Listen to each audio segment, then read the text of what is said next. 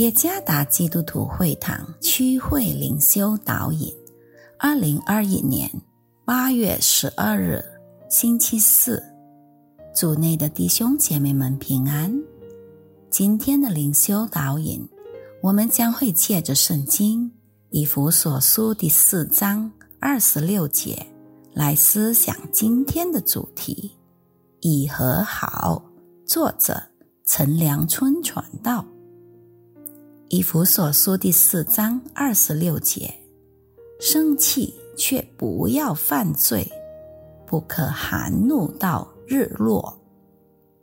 虽然我不是佐科威总统的风名器，但是我对这第七任总统的气质印象非常深刻。尽管他经常遭受到诽谤和侮辱。但他仍然不轻易发怒，也不向他的政敌表露愤怒。我们应当在管理愤怒这方面多多向他学习。这并不意味着他从不发怒。我们相信他也好像我们一样都是人，但成为我们榜样的是他能够把自己妥善的。安置好。如果我们要下结论的话，这就是一个已经跟自己和好的人。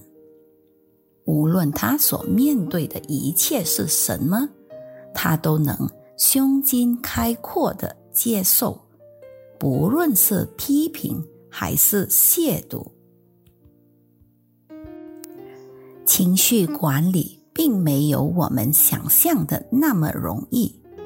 倘若我们自己已经跟自己和好的话，那么无论我们遭遇到什么情况，不论是喜还是哀，我们都能处理好我们的愤怒。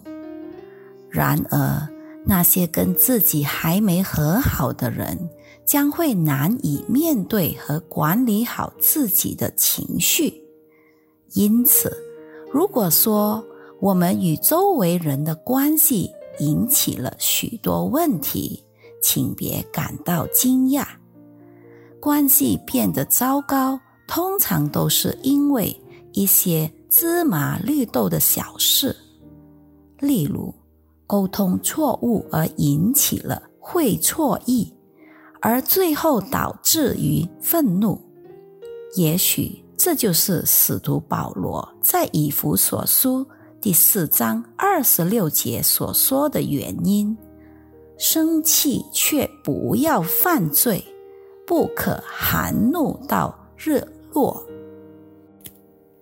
为还没解决的问题设定时间限制，能帮助我们控制愤怒。与其把别人的过错藏在心里而长成苦毒，我们能祈求上帝帮助我们，用充满爱的心说出真相。我们是否正与某人发生纠纷？与其把错误归咎给别人，让我们全然交托于圣灵的能力，提醒我们。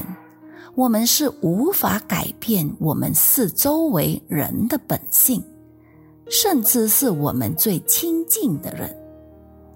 与其持续遮掩愤怒，更好是先把问题带到上帝面前。因此，上帝能借着他饶恕的力量和爱，来帮助我们去抑制怒火。那些已经跟自己和好的人，更容易抑制自己的怒气。愿上帝赐福于大家。